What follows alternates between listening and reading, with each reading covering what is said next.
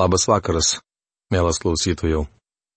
Kaip esame pratę šiandien, toliau keliausime Biblijos puslapiais, Senuoju testamentu, mokytojo knyga.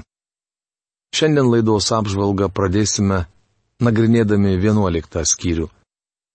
Prieš pradėdami, kaip pratę, paveskime savo širdis ir mintis Dievui ir paprašykime, kad Jis pagelbėtų mums suprasti tą tekstą, kurį Jisai užrašė per savo žmonės, kurie buvo vedami jo šventosios dvasios.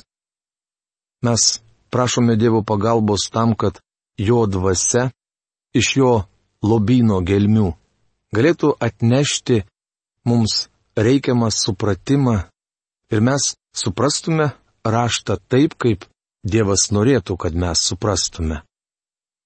Priešingai mes kiekvienas turime savo filosofiją ir savo įsitikinimą, kuris be Dievo visada yra klaidingas.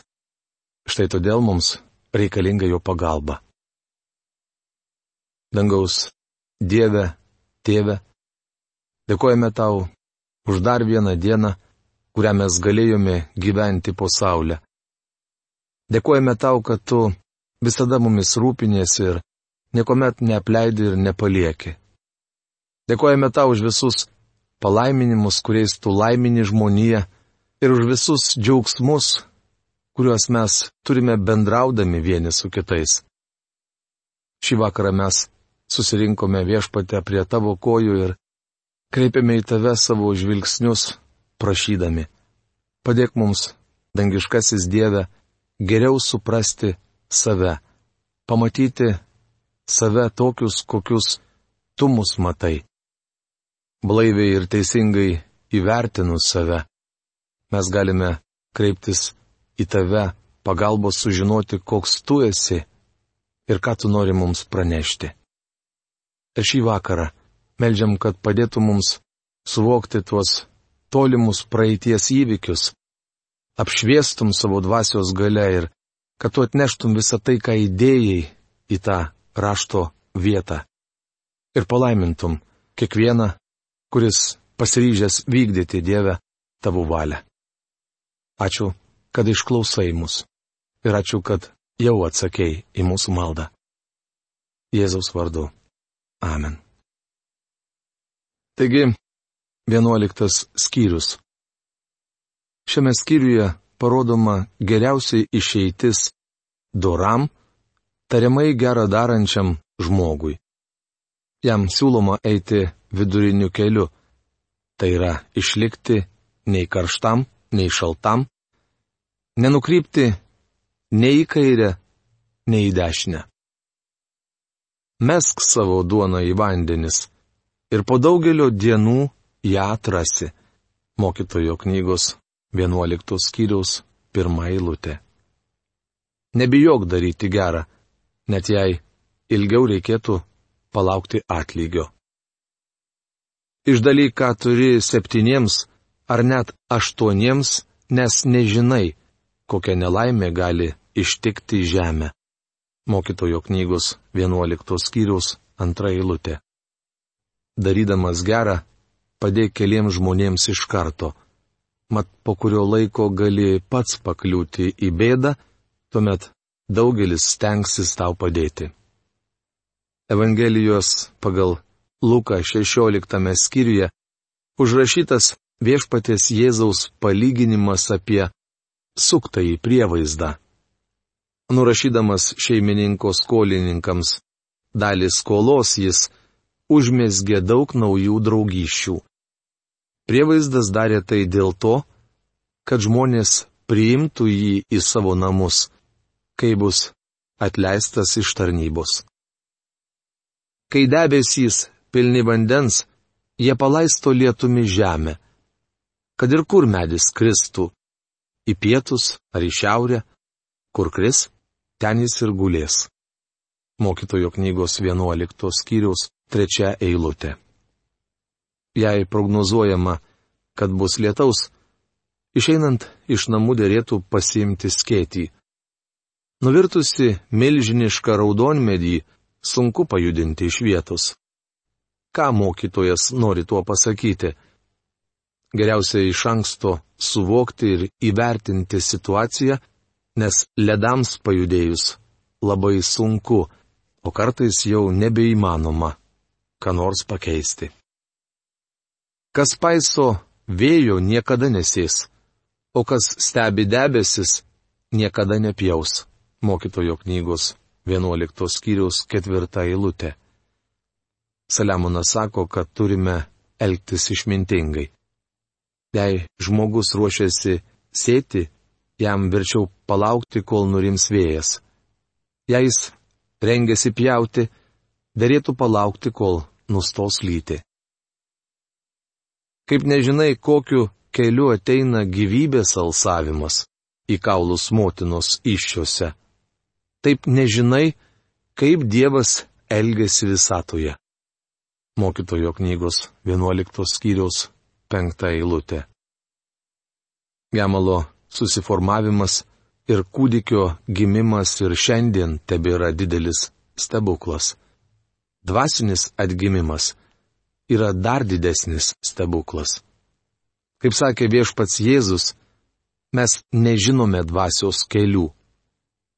Vėjas pučia kur nori, jo ošimą girdi, bet nežinai iš kur ateina ir kur link nueina. Taip esti ir su kiekvienu, kuris gimė iš dvasios. Jono Evangelijos trečios skyriaus aštunta eilutė. Mes daug ko nežinome. Manau, Saliamonas nori pasakyti, kad ko nors nežinodami, neimtumėte abejoti tuo, ką žinote. Jums leidus pateiksiu pavyzdį. Visi mes žinome pakankamai, kad galėtume atsisėsti ant kėdės. Štai studijoje prie manęs stovi laisva kėdė.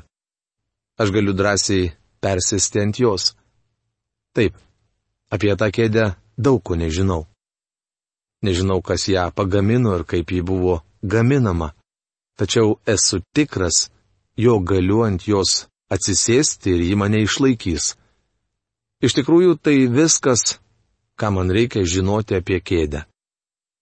Taigi žiūrėkite, kad kažko nežinodami, neimtumėte abejoti tuo, ką žinote. Smagi dienos šviesa. Malonu akims matyti saulę.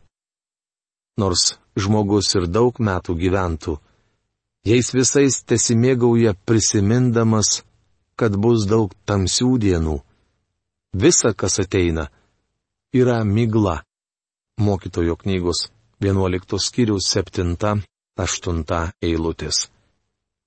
Bičiuli, vieną dieną jūs pasensite, o senelių gyvenimas ne visuomet toks malonus, kokį žada reklaminiai lankstinukai.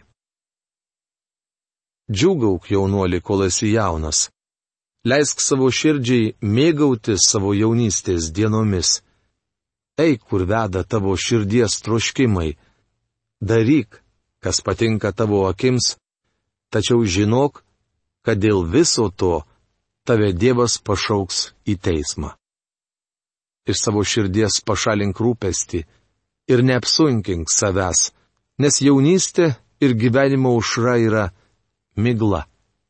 Mokytojo knygos 11 skyriaus 90 eilutės. Mielas jaunoli, prisiminkite, kad dabar yra metas priimti sprendimus visose gyvenimo srityse. Labai svarbu, kad šiandieniniai jūsų pasirinkimai būtų teisingi. Kiek daug žmonių leidžia savo gyvenimą vėjais, nes jaunystėje klaidingai pasirinko. Jei jaunos dienos leidžiamos neteisingai, jos yra tuščios. Gyvenimas yra Dievo dovana. Jis davė mums šią dieną, o tiksliau šią minutę. Tai brangi dovana, kurią turime naudoti Dievo garbiai. Koks pagrindinis žmogaus gyvenimo tikslas? Amžinai šlovinti Dievą ir juo džiaugtis. Mokytojo knygos 12 skyrius.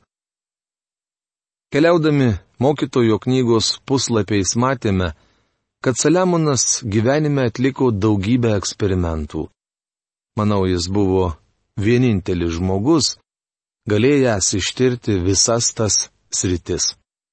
Šioje knygoje nuolat kartojama reikšminga frazė po saulę.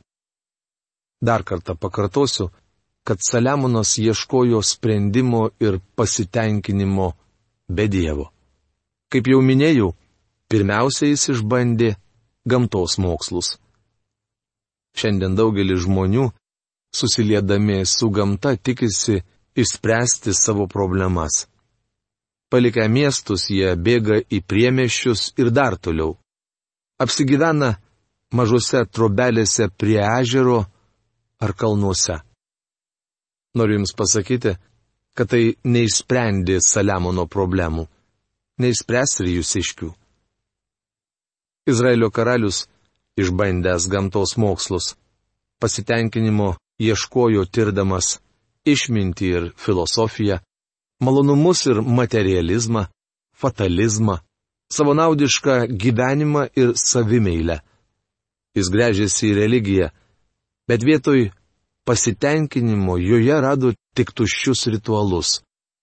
Tuomet Saliamonas bandė rasti pasitenkinimą turtų gausoje. Galiausiai jis išmėgino moralę ir dorovingą gyvenimą, kuris, kaip paaiškėjo, yra tik nuobodi egzistencija. Paskutinėme mokytojo knygos skyriuje pateikiamos galutinės Saliamono išvados poetinis senatvės aprašymas. Šiame skyriuje naudingų patarimų ras tiek jaunuolis, tiek pagyvenęs žmogus. Atmink, kuriejas savo jaunystės dienomis, dar skausmo dienoms netėjus ir dar netėjus metams, apie kuriuos sakysi, man jie nemalonus. Mokytojo knygos 12 skyriaus pirmą eilutę įsitikinęs, kad niekas po saulę žmogaus širdžiai negali suteikti pasitenkinimo, Saliamonas sako, grįžkite pas Dievą. Artinkitės prie Dievo, kol esate jaunas. Tu jau suprasite, kodėl Saliamonas ragina tai daryti. Nors jis ir vaizdingai aprašo senatvę, tačiau jį anaip tol nėra patraukli. Visgi tas pats laukia ir mūsų. Pirmą kartą iš šio mokytojo knygos skyriaus pamokslavau, būdamas labai jaunas pamokslininkas. Tuomet galvojau, ar tikrai senatvė tokia, kaip jį vaizduojama šioje knygoje. Dabar galiu paliudyti, jog tai, ką rašo Saliamonas, yra grina tiesa. Dažnai liberalaus tikėjimo žmonės ir skeptikai sako, kad tiki tokią religiją, kuri naudinga čia ir dabar. Jie teigia, kad jų nedomina religija žadanti aukso kalnus po mirties. Mielas bičiuli, čia ir dabar susitaikinkite su Dievu ir pradėkite gyventi jam. Kodėl? Pažvelkite į tai, kaip Saliamonas vaizdingai aprašo senatvę. Dar neužtemus saulės, mėnulio ir žvaigždžių šviesai, ir lietų nešantiems debesims nesugrįžus. Mokytojo knygos 12 skyriaus antra eilutė. Ar jis nori pasakyti, kad užges saulės, mėnulio ir žvaigždžių šviesa? Ne. Tai reiškia, kad jūs nebematysite jų taip aiškiai kaip kitados. Sikį mūdu su žmona, lankydamiesi Havajų salose, išėjome pasivaikščioti švietė minulio pilnatis ir buvo labai gražu. Aš tariau jai, argi negražu? Bet žinai, visa tai man nebetrodo taip romantiška kaip anksčiau, o tau? Žmona atsakė, kad ir jai pasivaikščiojimas mėnesienoje nebėra toks romantiškas kaip kitados. Jis sakė, kad anksčiau Havajų salas laikė romantiškiausia vieta pasaulyje. Patikėkite, bičiuli, šviesos pritemsta. Bėga laikas ir vienas liūdnas išgyvenimas keičia kitą. Lietų nešantys debesis sugrįžta. senatvėje galima linksmai praleisti dieną, tačiau patikėkite, po to turėsite 3-4 dienas ilsėtis, kad atgautumėte jėgas. Aš tuo įsitikinau. Anksčiau dalyvavau vienoje konferencijoje po kitos ir buvau tuo patenkintas. Dabar mūdu su žmona pastebime, jog reikia keisti gyvenimo būdą, nes konferencijos mus išvargina. Lietų nešantys debesys sugrįžta. Tai dienai atėjus namų sargai drebės ir galiūnai sukniups. Malėjus liausis malusios, nes jų mažai beliko, o žvelgiantys pro langą matys tamsą mokytojo knygos 12 skyriaus 3 eilutė. Čia vaizdingai aprašomas seno žmogaus kūnas. Namų sargai simbolizuoja kojas. Senam žmogui sunku stovėti. Mano kolegos ir artimi draugai juokauja sakydami, jog aš atrodau stiprus ir žvalus. Tačiau, kai lipu iš automobilio, jie atkiša man alkūnę. Žinote kodėl? todėl kad mano kojos nebėra tokios greitos kaip anksčiau. Rytais leisdamasis laiptais dažnai dėjoju. Kai iš paskos eidama žmona klausia, ko aš dėjoju, atsakau, kad dėjuoti bibliška. Apaštalas Paulius antro laiško korintiečiams penktos skyriaus ketvirtoje eilutėje rašo, juk mes esantis šioje palapinėje dėjojame prislėgti tai kosto burbulio vertimas. Taigi paaiškinu žmonai, kad noriu elgtis taip, kaip moko šventasis raštas. Tačiau iš tikrųjų dėjoju dėl to, kad leidžiantis laiptais man skauda kelius. Saliamonas rašo, kad namų sargai drebės. Pastebiu, kad vis dažniau suklumpu, o lipdamas kopiečiomis turiu būti ypač atsargus. Seni žmonės paprastai vaikšto pasiramščiuodami lasdelę. Aš vis dažniau pagalvoju, kad būtų ne pro šalį ir man ją įsigyti. Saliamonas, sakydamas ir galiūnai sukniups, vaizdingai apibūdina pečius. Seno žmogaus pečiai nebe tokie tiesūs ir tvirti. Neseniai žmona man pasakė, atrodytum daug geriau jei stovėtum tiesiai kaip anksčiau. Jaunas buvai plačiapetis, o dabar esi susikūprinęs. Taigi, galiūnai sukniumba. Pečiai palinksta į priekį, nes, patikėkite, tai patogiau. Malėjos liausis malusios, nes jų mažai beliko. Malėjos yra dantys. Sendamas žmogus pameta dantis. Tuomet jų vietą užima tiltas ar visų dantų protezas kuris jaunimui kelia juoką, kai jie mato jį stiklinėje. Džiaugiuosi, kad man dar netenka naudotis dirbtiniais dantimis, tačiau manėjai jau seniai visi su karūnėlėmis. O žvelgiantys pro langą matys tamsą. Taip apibūdinamas silpstantis regėjimas. Neseniai restorane prie manęs priejo vyras. Aš atpažinau jį tik po to, kai mes paspaudėme vienas kitam ranką ir kelias minutės pasikalbėjome. Susirinkime sutikau kitą vyrą. Kurį laiką pasikalbėjome, o kai išsiskyrėme, paklausiau savo žmonos, kas jis. Tai pasakė vardą žmogaus, kurį pažinojau daugelį metų. Tuomet tariau, tiesą sakant, aš jo nepažinau. Jis labai pasikeitęs.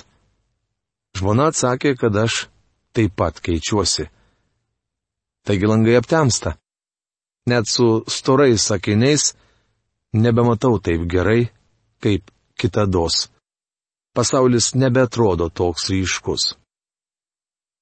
Mielas klausytojų, šiandien šioje rašto vietoje mes sustosime, o tolimesnę skyriaus apžvalgą pratesime jau kitoje laidoje.